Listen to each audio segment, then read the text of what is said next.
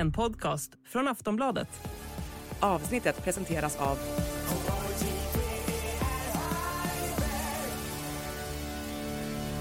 Stödlinjen.se, åldersgräns 18 år.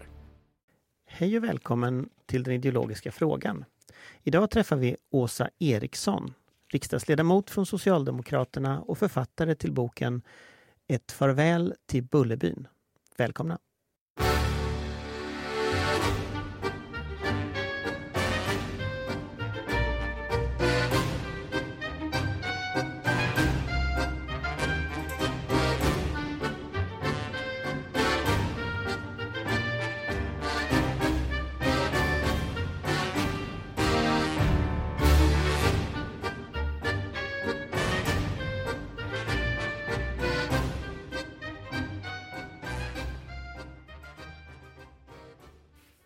Hej och välkommen Åsa Eriksson. Hej! Och du är riksdagsledamot för Socialdemokraterna och har just kommit ut med en ny bok, Ett farväl till Bullerbyn på tankesmedjan Tiden. Ja. Ja, jag pratade med dig förra veckan, då var du i Taiwan av alla ställen. Varför var du där? Det är rätt långt från Bullerbyn till Taiwan. Ja, det är det. Men vi eh, politiker vi håller ju på med många olika saker och jag var där med en eh, vänskapsförening, eh, Sverige-Taiwan, för att visa vårt stöd till Taiwans längtan efter fortsatt fred och frihet och stabilitet.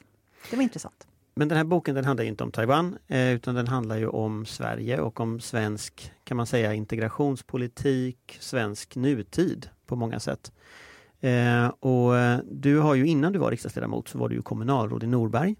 Och jag vet att jag, vi träffades när jag åkte på ett reportage där för 7-8 år sedan eh, i Norberg. Eh, och då hade du just hamnat i situationen att det hade kommit en väldigt stor mängd flyktingar till Norberg. Norberg hade ungefär var det 5000 invånare Mm, och det kom ungefär 5600. 1000 personer.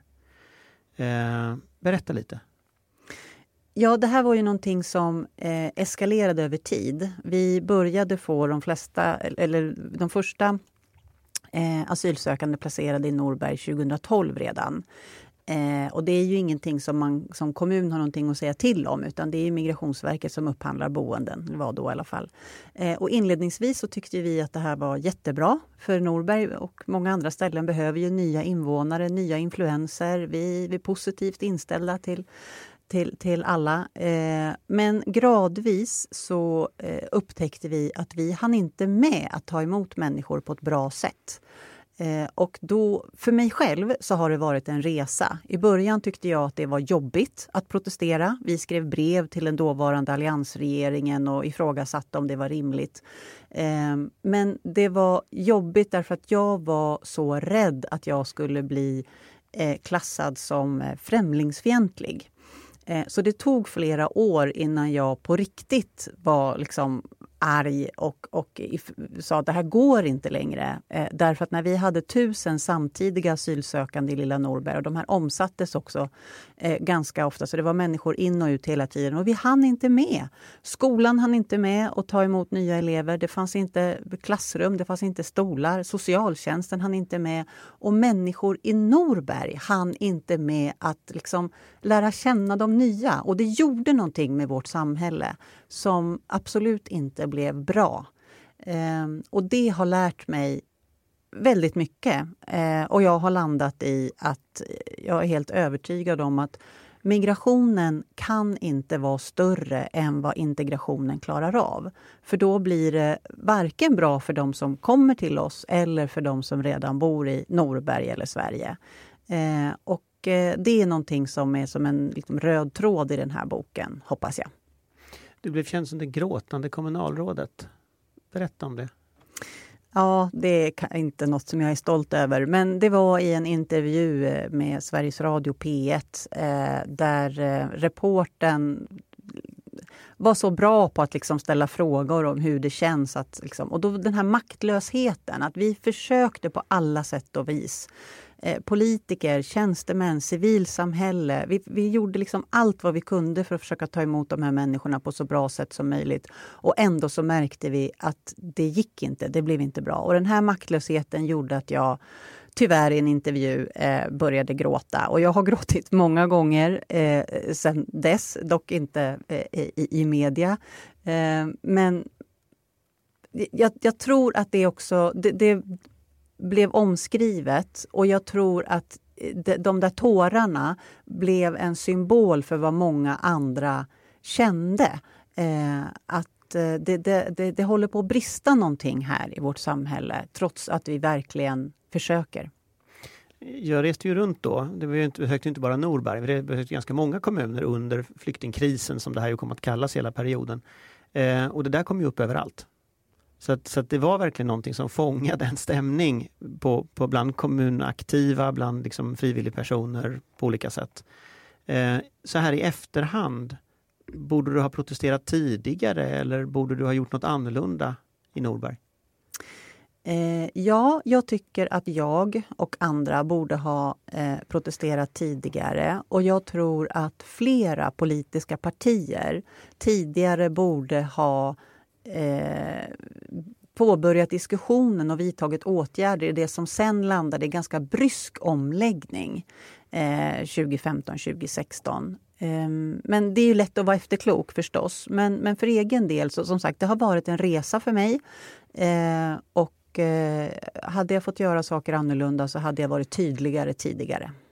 Vad betyder tydligare tidigare, dessa politikerspråk? Vad betyder? Vad skulle du gjort? Eh, jag borde inte ha nöjt mig med att eh, samla alla partier i kommunstyrelsen och skrivit artiga brev till eh, den moderata migrationsministern. Jag borde ha liksom ställt mig och skrikit eh, för att få människors uppmärksamhet. I, I, den här eh, boken, eh, ett, ett farväl till Bullerbyn, så är det ju ganska kritisk till socialdemokratisk politik, idéutveckling, Sveriges utveckling. Och du skriver där att du, du skulle vilja att Socialdemokraterna lägger skygglapparna åt sidan. Vad menar du med det? Eh, jag menar att vi är ganska ofta, tycker jag, så inom socialdemokratin och jag hoppas i andra partier också, så har vi ganska uppriktiga, ärliga och självkritiska diskussioner, men vi håller dem internt. Eh, och när vi möter allmänheten och media eh, så upplever jag att alla partier i, i Sverige är ganska bra på att liksom bortförklara eller skylla ifrån sig eller Eh, ibland är det ju helt legitima eh, förklaringar. Till exempel så har Socialdemokraterna eh, inte haft majoritetsregering på väldigt många år och inte fått igenom våra budgetar och sådär. Så det är klart att det finns ju liksom förklaringar till varför vi inte har kunnat driva vår politik. Men jag tror att om vi eh, ärligt vågar eh, förklara för människor att saker och ting inte alltid har blivit som vi har tänkt och att vi kanske borde ha gjort en del saker annorlunda, så kan vi eh, kanske återvinna en del av det förtroende som jag tror att väljarna har tappat för politiken. Upplever du att väljarna tappade förtroende för dig i Norberg? Um, nej, det kan jag väl... Alltså det är klart att inte alla har förtroende för mig. Det, det skulle jag det, det absolut inte påstå. Men jag upplever nog att förtroendet för mig som kommunalråd ökade när jag Eh, stod upp mot vad som i Norberg betecknas som Stockholm. Alltså vad, vad de där som bestämmer att jag tog fighten och eh, sa ifrån. Då upplever jag att förtroendet för mig ökade. Och för, för oss som parti, det är inte bara jag, man är ju aldrig liksom ensam. För det finns ju en intressant fråga under det där. Alltså vad handlar den här konflikten om? Och socialdemokratin brukar ju säga att den handlar om höger och vänster. Och sen pratar vi ju idag väldigt mycket om kulturkriget, att det handlar om liksom islam och alltså symbolpolitik. Det där är väl egentligen en mycket äldre konflikt, alltså centrum-periferi. Det är väl en mera grundläggande konflikt i så fall i politiken. Det är långt i Stockholm. Jag tror att det handlar om många olika saker och även om jag menar att eh, övriga Sverige har en del att lära av Norberg och andra småkommuner så kan man heller inte eh, liksom, tro att det är den enda lösningen. Eh, självklart så hamnar, handlar eh, politisk konflikt mycket om vänster och höger. Det handlar om hur vi vill bygga vårt samhälle och hur mycket gemensamt ansvar vi ska ta och så vidare. Eh, idag tycker jag att för mycket av den politiska debatten handlar om det vi kallar för identitetspolitik och kulturkrig. Eh, jag, jag, tror att vi behöver eh, prata på ett annat sätt ibland om vilket samhälle vi vill bygga. Och det handlar definitivt mycket om ekonomisk politik. Jag menar att vi måste investera oerhört mycket mer i människor, eh, i välfärden, i förebyggande åtgärder för att kunna skapa ett sammanhållet samhälle där alla känner att man hör till. Ehm, ja, jag stannar där. Men, men för jag tänker att eh, du, du, går tillbaka i historien här. Du går tillbaka till 90-talet. Du pratar med många av dem som var med på, på 90-talet och formade politiken.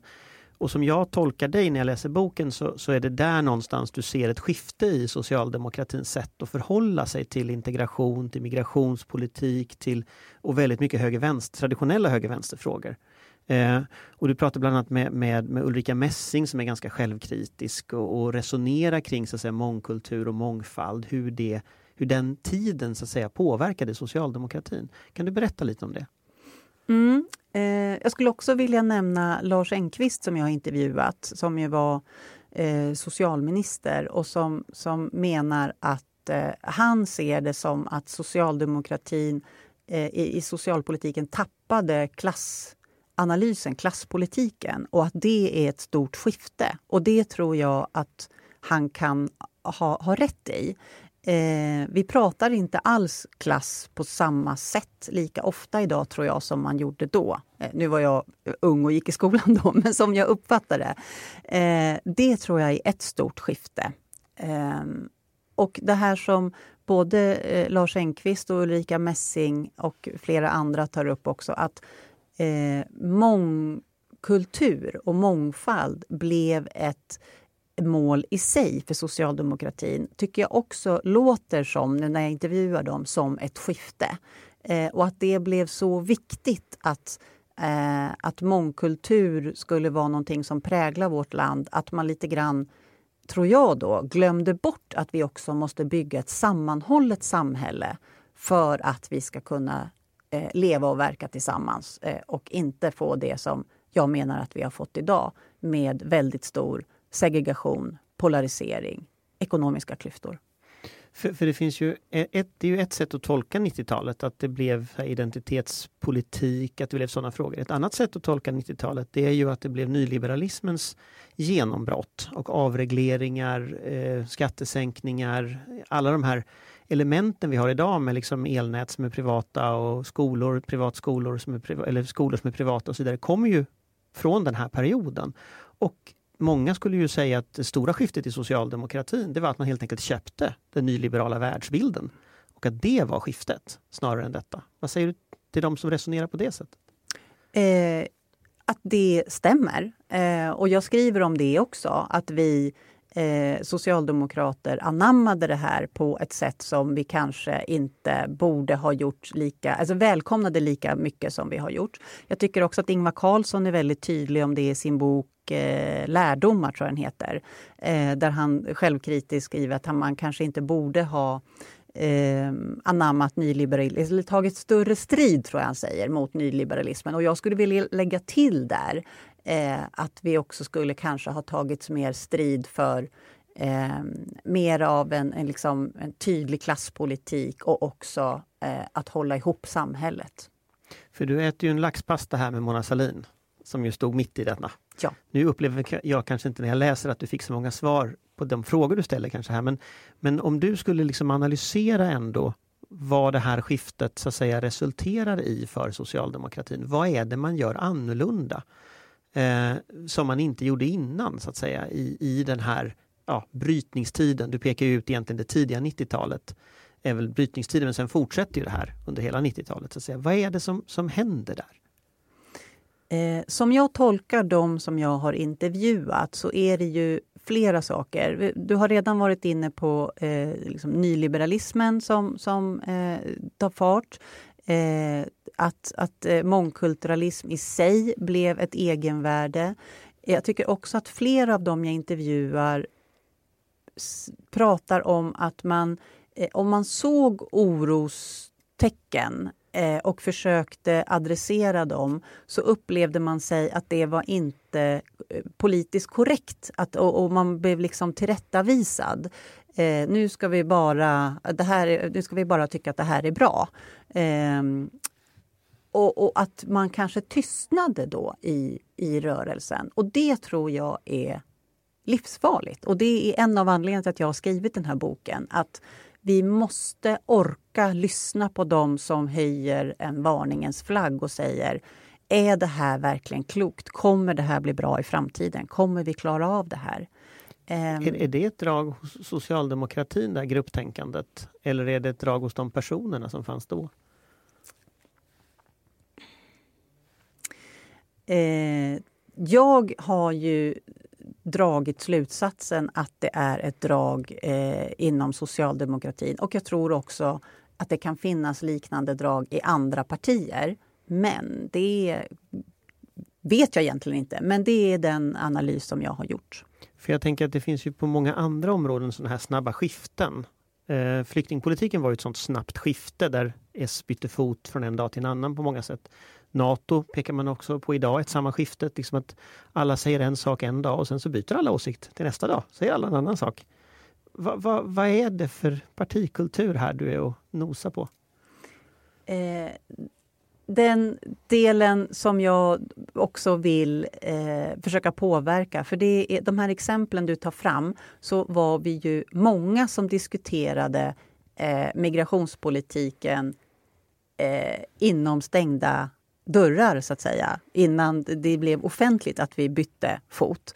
Eh, det var samma sak med Nato. Det, var, det fördes ju Nato-diskussion i partiet eh, innan vi bytte fot. Men vi är så, vi har ju en sån kultur på något sätt att vi liksom, eh, och det är väl bra på sätt och vis att vi, vi håller ihop och vi får fram ett budskap utifrån det som är kongressbeslut och sådär. Men jag tror att det kan bli eh, också skadligt om vi inte orkar visa eh, väljarna eh, att vi ibland kanske har trampat fel eller ibland inte agerat tillräckligt snabbt. Eh, jag tror att vi skulle kunna vinna människors förtroende om vi orkar göra det lite mer offentligt. En annan tolkning kommer ju också från Lars Stjernkvist som du har intervjuat här. Han säger ju att det är en sån polariserad politisk kultur vi lever i att det går överhuvudtaget inte att föra de här samtalen. Det är liksom omöjligt från början. Eh, man blir misstänkliggjord oavsett vad man tycker och man tycker illa om varandra egentligen oavsett vilken sida man står på vad tänker du om det? Ja, jag, tycker, jag håller med Lars. Eh, men jag tänker att det är ingenting som vi kan acceptera att det ska vara så. Utan vi behöver försöka förändra det. Och jag hoppas eh, Eh, med den här boken var en liten, liten del i den förändringen. Att eh, prova. Kan jag, vi, föra de här diskussionerna i offentligheten utan att man på en gång bara ska slå varann i huvudet. Eh, jag hoppas det. Jag har ganska hög tilltro till eh, människor. Eh, så jag hoppas att den inte är för hög utan att vi faktiskt klarar av att höja oss över det här polariserade och att vi på riktigt orkar borra i de svåra frågorna. För det här är svårt. Väldigt många saker av, av det jag skriver om har jag inga tvärsäkra svar på utan det är faktiskt ganska svåra avvägningar och det finns för och nackdelar. Och så. Men jag tror att vi måste orka föra de samtalen. Kan det vara så att pendeln har slagit över för hårt åt andra hållet nu? Att det är de som vill ha en, en eh, mer liberal flyktingpolitik som inte vågar säga någonting i partiet? Att så att säga eh, det, det istället har gått åt andra hållet. Att samhällsutvecklingen och eh, den politik man har så att säga gör att det är en andra grupper idag som inte vågar säga något. Ja, så skulle det kunna vara. Vad tänker du att man ska göra åt det i så fall? Jag tror att vi behöver lyssna på varandra eh, respektfullt och eh, försöka förstå den, den, andras perspektiv och argument, även om vi inte alltid håller med. Um, och jag har några exempel i boken också där sossar direkt väljer att missförstå andra sossar eh, utan att lyssna på vad det är man egentligen säger. Sen behöver vi inte alltid vara överens om allting. Vi, vi måste liksom, eh, både inom partiet och mellan partier eh, ha olika åsikter och bryta dem. Men ja, det fördummar oss och samtalet och hela samhället om vi direkt ska försöka hoppa på varandra och medvetet missförstå varandra istället för att förstå varandra. När du själv analyserar S eh, integrationspolitik, så är min tolkning när du går igenom olika exempel på den är väl att S inte har någon integrationspolitik. Eh, om jag får hårdra det så mycket. Eh, är det att hårdra det för långt? Eh, lite för långt, ja. Jag skulle vilja ha en tydligare och mer genomgripande integrationspolitik. Eh, jag tror att vi behöver ställa högre krav på människor. Eh, vad vi förväntar oss eh, för att vi ska få in människor i samhället. Och det är liksom med, med kärlek. Jag skriver någonstans att jag vill att vi ska göra det med en, med en varm människosyn men också ställa tuffare krav. Eh, för jag tror, det är liksom så vi uppfostrar barn också. Att vi, liksom, vi, vi, vi, älskar våra barn, vi vill dem väl och då ställer man också en del, hel del krav. Och det måste vi göra på, på våra eh, medmänniskor i samhället också oavsett om man är född i Sverige eller någon annanstans. Men när du säger detta så är inte det en integrationspolitik utan när man tittar i sak så att säga. Vad, för, för du kritiserar ju frånvaron av politik egentligen, frånvaron av politiska åtgärder. Eh, du har ett litet program på slutet med politiska åtgärder du själv vill se. Så att säga här. Om du utifrån Norberg och den erfarenheten du har skulle säga, vad är liksom ett recept i fem punkter för att skapa en integrationspolitik? Hur skulle det se ut i så fall? Eh, några fem punkter vet jag inte om jag kan leverera så här på rak arm. Men jag, det här är, ska man ha klart för sig, eh, jättestora utmaningar och det är ingenting som man löser i en handvändning. Det har tagit liksom årtionden att hamna där vi är idag och det kommer ta lång tid att bygga ihop samhället igen. Men jag tror att vi hela tiden med vår politik måste se till att bryta bostadssegregationen för det första. Jag tror att vi behöver vara beredda att ta till eh, åtgärder, sånt som vi kanske först kan tycka är drastiskt eh, för att människor ska bo integrerat, blandat. Jag skulle vilja att man eh, kan ställa krav på till exempel eh, rika borgerliga kommuner som inte vill ha hyreslägenheter för att man inte vill ha in människor med dålig ekonomi eller utländsk bakgrund, att man kan ställa krav på att man faktiskt måste ha det, till exempel. Eh, jag menar att vi måste vidta åtgärder för att bryta sönder de etniskt eh, segregerade bostadsområden som vi har idag. Jag menar att vi måste bli mycket bättre på att eh, människor tvingas blandas i skolan. Det är ett helt galet skolsystem som vi har idag av många anledningar. Men det bidrar också till att öka segregationen. Jag menar att vi behöver ha en allmän värnplikt på riktigt. Vi är på väg åt rätt håll, absolut. Men jag tror att vi behöver ha inte bara en militär värnplikt utan en samhällsplikt där man behöver eh, ta ett, liksom, ett år eller ett halvår eller vad nu är av sitt liv att göra någonting för samhället tillsammans med andra. För att lära sig om samhället, om demokrati, men också tvingas träffa andra människor. Eh, jag tror att vi behöver ha eh, ett civilsamhälle som vi har på många delar i Sverige, men, men inte överallt, som lyckas dra med människor eh, demokratiskt utbilda människor eh, så att alla känner att man är en del av samhället. Det där var kanske tre punkter. Mm. Eh, Men vi borrar lite i dem, för jag har ett par till som du skriver om här också. Men vi börjar med skolan, för den, den, där känns ju, eller vi börjar med boendet faktiskt, för de hänger ju lite ihop. Skolsegregationen hänger ju mycket ihop med boendesegregationen. Skulle du vara beredd att bussa elever till exempel mellan skolor? Eh, det där med bussning har fått så otroligt negativ ja, klang. Men strunta i klangen. Skulle du vara beredd att göra det? Eh, jag tror att det kan behövas. Ja, vi har ju sett exempel på kommuner där man lägger ner skolor och bygger nya för att blanda elever med ganska goda resultat. Och ibland så innebär det längre resväg för en del elever. Jag tror att det är någonting som vi kan behöva ta under en period för att eh, få blandade klasser och blandade skolor. Du är ju kommunpolitiker. Om man skulle bygga flerfamiljshus på Lidingö så krävs det ju att man hoppar över det kommunala eh, byggmonopolet. Eh, och det är ju en enormt stor förändring av liksom hur Sverige skulle vara organiserat. Skulle du vara beredd att säga till exempel att nej, vi tar en paus när det gäller planmonopol för kommuner under en period för att reda upp den här situationen. Vi får riva vissa hus och vi får bygga nya hus och ingen har ett veto. Eh, jag vet inte om jag är beredd eh, på att svara ja på den frågan, men jag tror att vi eh, med olika sätt, på olika sätt behöver stimulera till och ställa krav, både piska och morot, att, man, att alla kommuner måste se till att ha eh, blandade upplåtelseformer och sådär. Och jag skriver i boken att jag har inga liksom, exakta svar på hur det här ska gå till. Men jag menar att vi måste liksom, föra en diskussion och komma dit där man ställer eh, hårdare krav på kommunerna. Men jag frågar därför att det här är ju kommun, kommunen äger ju frågan genom att kommunen har planmonopol. Och det vi ser här i Stockholmsregionen till exempel, det är ju att de rika norrkommunerna tar inget ansvar alls.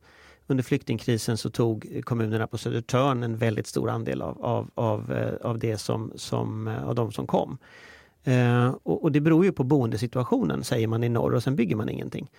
Alltså, och det är därför jag frågar, därför att du inte går hela vägen. Alltså, men att gå eh, hela vägen samhällsplaneringsmässigt, vad är du beredd att göra för att det ska hända? Jag vågar inte ge något exakt svar på det. Eh, för mig ligger det närmare till hands att eh, kanske villkora vissa fördelar mot att man också tar ett bostadsansvar till exempel. Det kan handla om infrastruktursatsningar eller det kan handla om eh, statliga anslag eller så. Eh, men jag är inte klar själv över exakt eh, hur det här ska gå till. Men jag tror att vi behöver eh, diskutera och prata i de här termerna. Jag tar fram eh, Danmark som ett exempel som ju är väldigt omskrivet och kontroversiellt och säkert inte i alla delar bra. Eh, men jag tror också att det finns saker att lära där och inspireras av. Eh, men jag är ingen expert på de här frågorna, men jag tycker mig se att vi behöver gå i den här riktningen och jag vill ha hjälp med hur kan vi då göra det här.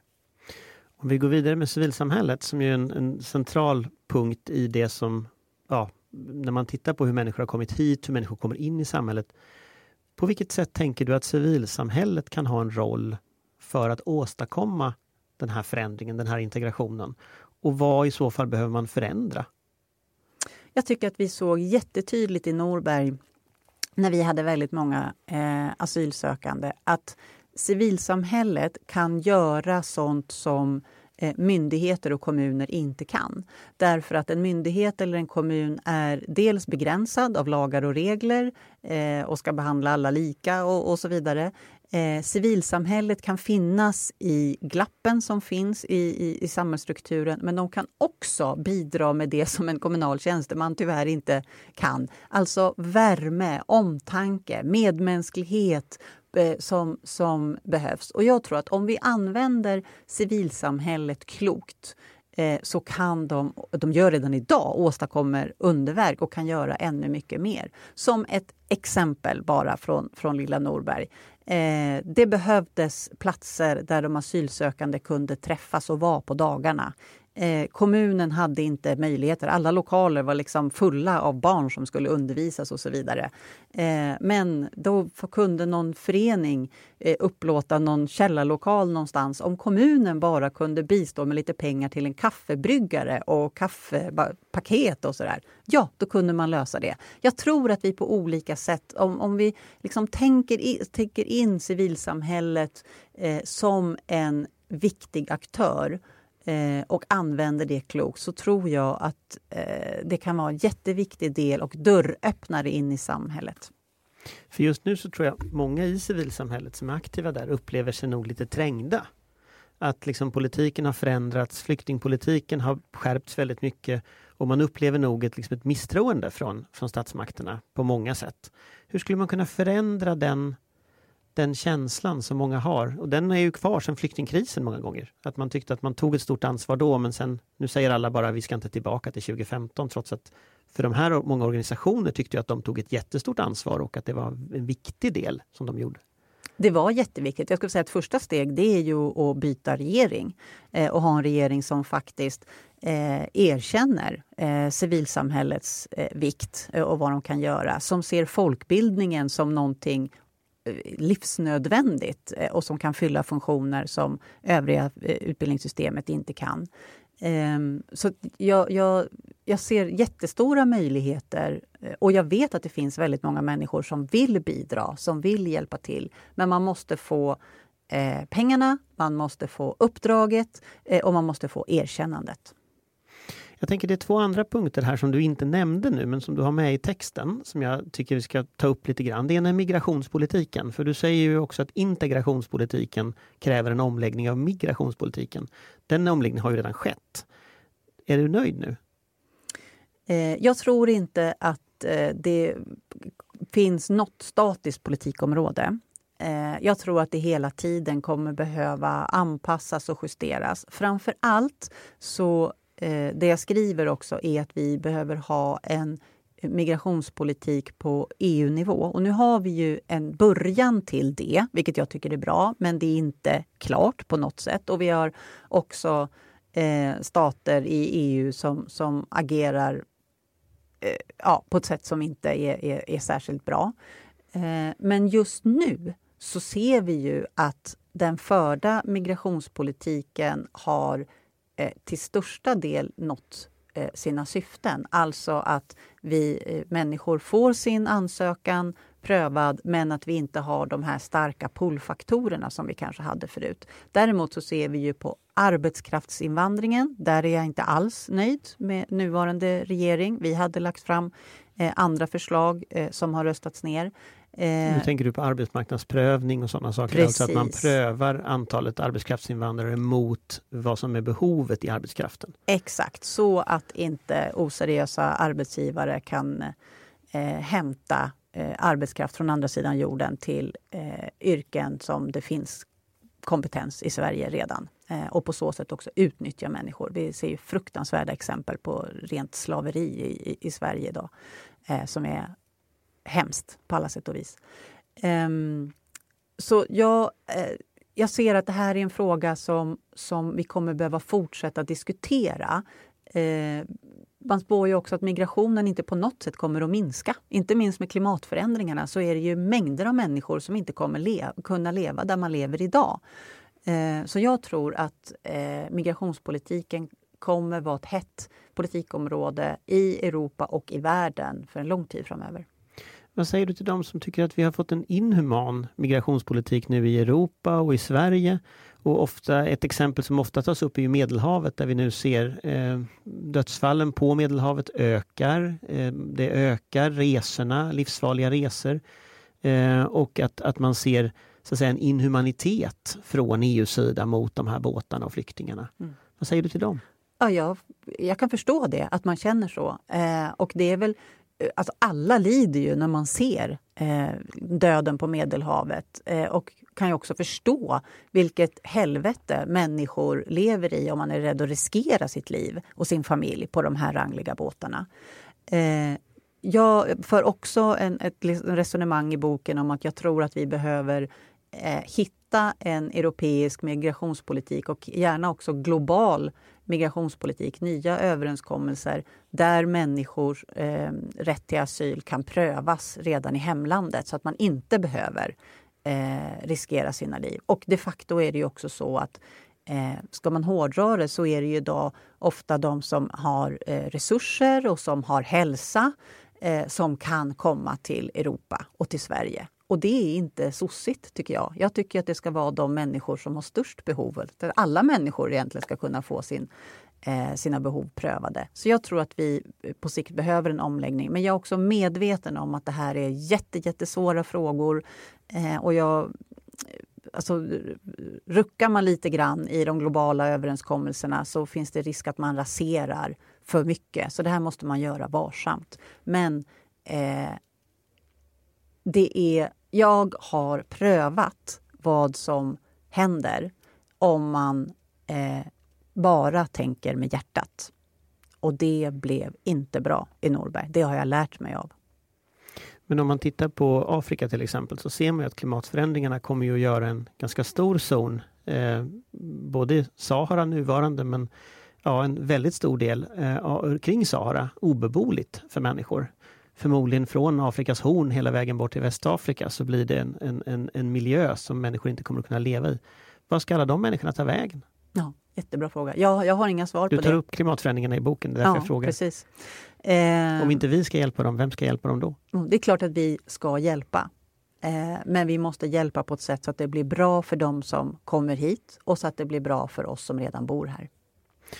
ytterligare en fråga du tar upp är ju brott och straff. Eh, där om jag tolkar dig rätt så, så, är, så ser du en lösning i den nuvarande politiken så att säga. Eh, när det gäller eh, så här hårdare straff och sådana saker. Men du ser ingenting som egentligen är förebyggande överhuvudtaget.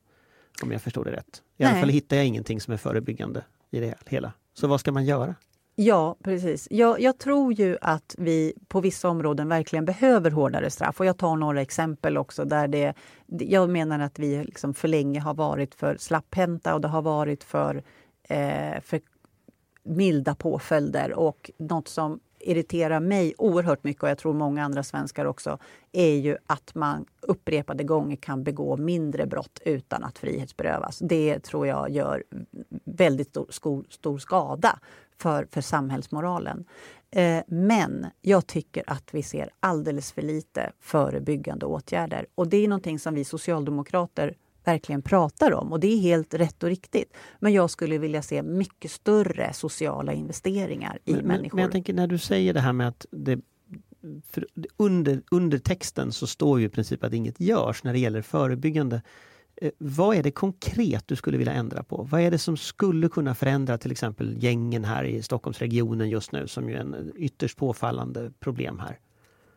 Eh, jag ger ganska många exempel tycker jag på förebyggande arbete och det handlar eh, på, alltså, börjar redan när eh, människor vä väntar sina barn. Eh, uppsökande verksamhet, hembesök, att utbilda föräldrar i eh, hur man är en bra förälder och vilket stöd och hjälp som finns att få i samhället. Eh, genom förskolan. Eh, vi vet ju att personal redan i förskolan kan identifiera barn som man tror kommer ha stora problem senare i livet men att vi inte klarar av att sätta in tillräckliga insatser för att hjälpa dem. Genom skolan. Eh, jag ger exempel på eh, hur eh, ett SIS-hem som jag har besökt i, i, i Fagersta berättar att en stor andel av de intagna pojkar de har där har intellektuella funktionsnedsättningar Eh, och eh, neuropsykiatriska diagnoser som inte har blivit kartlagda. Och hade de killarna fått hjälp och stöd långt tidigare i skolan så hade de kanske inte blivit offer för gängen där man nu känner en tillhörighet, att man duger, att eh, man blir accepterad för den man är. Ehm, det, det, det, finns liksom mängder med saker som vi behöver göra. Det handlar om att få föräldrar att ha ett arbete att gå till, även om du är kommer hit som analfabet eller eh, vad det nu är. För. Alltså, vi måste investera i människor på riktigt. Vi måste bredda arbetsmarknaden så att alla människors förmåga tas tillvara oavsett hur den ser ut. Och det här kommer kosta miljarder. Alltså det här är, jag föreslår jättestora sociala investeringar. Och det kan man inte lösa i en budget. Eh, det förstår jag också. Men jag vill eh, bidra till en diskussion där vi får fler människor i Sverige att förstå att ska vi lösa skjutningar, polarisering, segregation, utanförskap, då måste vi investera i människor tidigt och vi måste göra det stort så att det blir hållbart. Och då kommer vi också behöva fundera på hur vi ska finansiera det här. För här sätter du fingret på någonting som socialdemokratin inte gjorde under åtta år i regeringsställning. Om du fick skriva de första stegen i finansplanen nu till hösten i Socialdemokraternas budgetmotion. Vad skulle du skriva att man skulle börja någonstans för att nå det där? Och det var en bra fråga. Um, riktigt så har jag inte funderat för det här är som sagt ett väldigt långsiktigt projekt. Men eh, jag vill att vi fortsätter på den här resan som vi har sagt att vi måste jobba mycket mer förebyggande och att det kommer krävas eh, investeringar i människor idag kommer ge oss ett starkare och mer sammanhållet samhälle imorgon. Eh, det är ingen quick fix, quick fix, men den måste göras. För jag tror inte att någon är nöjd med hur Sverige ser ut idag. Status quo är liksom inte ett alternativ om man är socialdemokrat. Vi vill inte ha de här eh, parallellsamhällena, ekonomiska klyftorna, segregationen, skjutningarna. Vi vill ha ett annat Sverige. Och ska vi få ett annat Sverige så måste vi orka investera. Men för att kunna göra det måste vi också ha folkets förtroende att få göra det. Så det handlar också om opinionsbildning. Att förstå, förmå svenska folket att förstå att ska vi nå ett annat Sverige, ett annat samhälle, så måste vi investera tillsammans. Det jag fikar efter är ju reformen för att komma dit. Hur reformen skulle se ut. Eh, och eftersom det finns ju en skiss på vart man vill nå så är ju vägen dit rätt intressant att se. Eh, vill du ställa hårdare krav på kommunen att göra detta? Vill du eh, titta på till exempel som, det har ju funnits massa varianter på statliga in, insatser där man har gått in på de här områdena. Inget har väl egentligen fungerat om man ska vara ärlig, men, men man har ändå gjort en massa så här försök.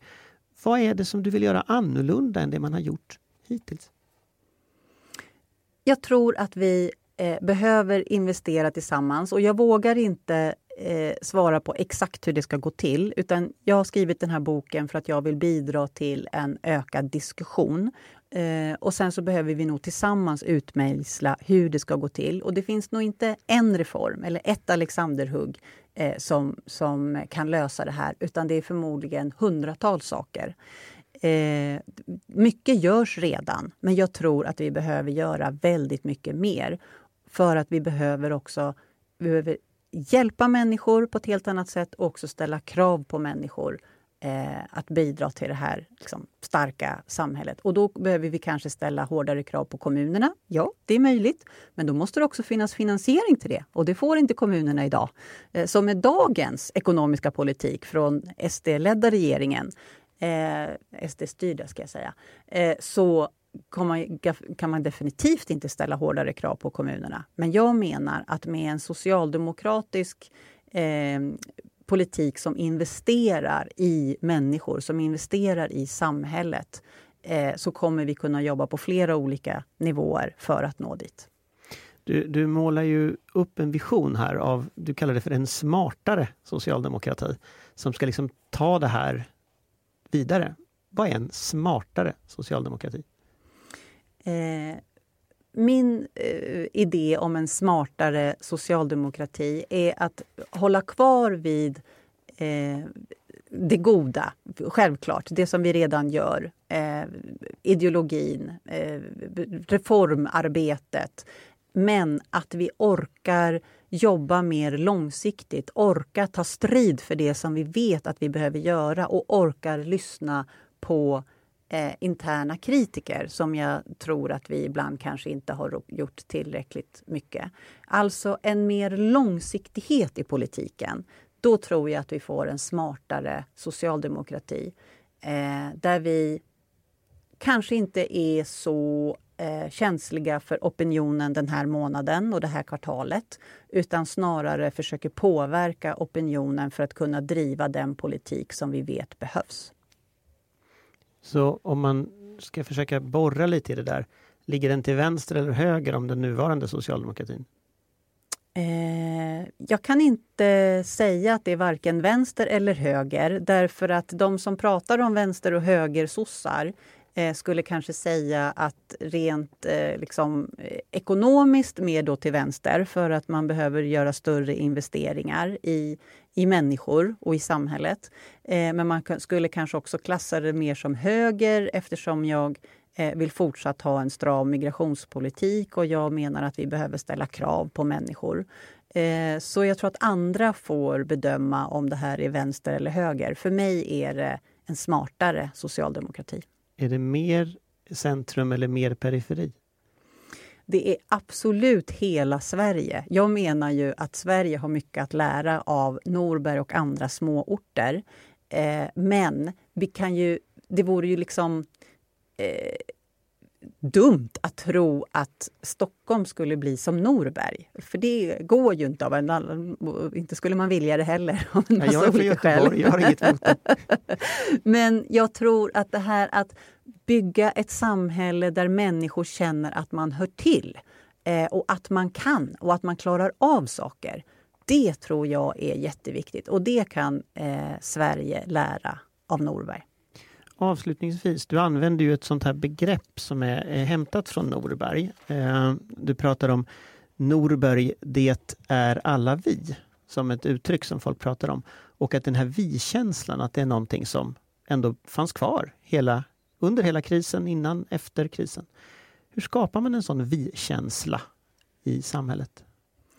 Inte att Norberg ska bli Sverige då, men hur skapar man den vi-känslan? Ja, jag har funderat jättemycket på det där. Hur kom, för jag är själv inflyttad. Jag är ju från Upplands Väsby. Så att, att jag har blivit accepterad som en i Norberg eh, var ju inte självklart för mig när, när jag för 20 år sedan flyttade eh, dit. Men som, som jag tolkar det så handlar det om att Norberg vill eh, se liksom det goda i människor när man kommer och man släpper in, man är nyfiken samtidigt som man också ställer krav. Hej, vad kul att du har flyttat till Norberg oavsett var du kommer ifrån. Men bara så du vet, här är det så här. Här säger vi att man går ner på byn, inte går på stan. Bara så du vet. Här är föreningslivet. Eh, du är jättevälkommen. Vi behöver dig i brottarklubben och i släktforskningsföreningen och allt vad det är för någonting. Men du ska också veta att här ställer man upp när folk behöver hjälp. Att den här liksom, tydligheten, man är nyfiken, man är, man öppen, men man är också, så här funkar det här. Bara så du vet. Tack så mycket för att du kom hit. Tack.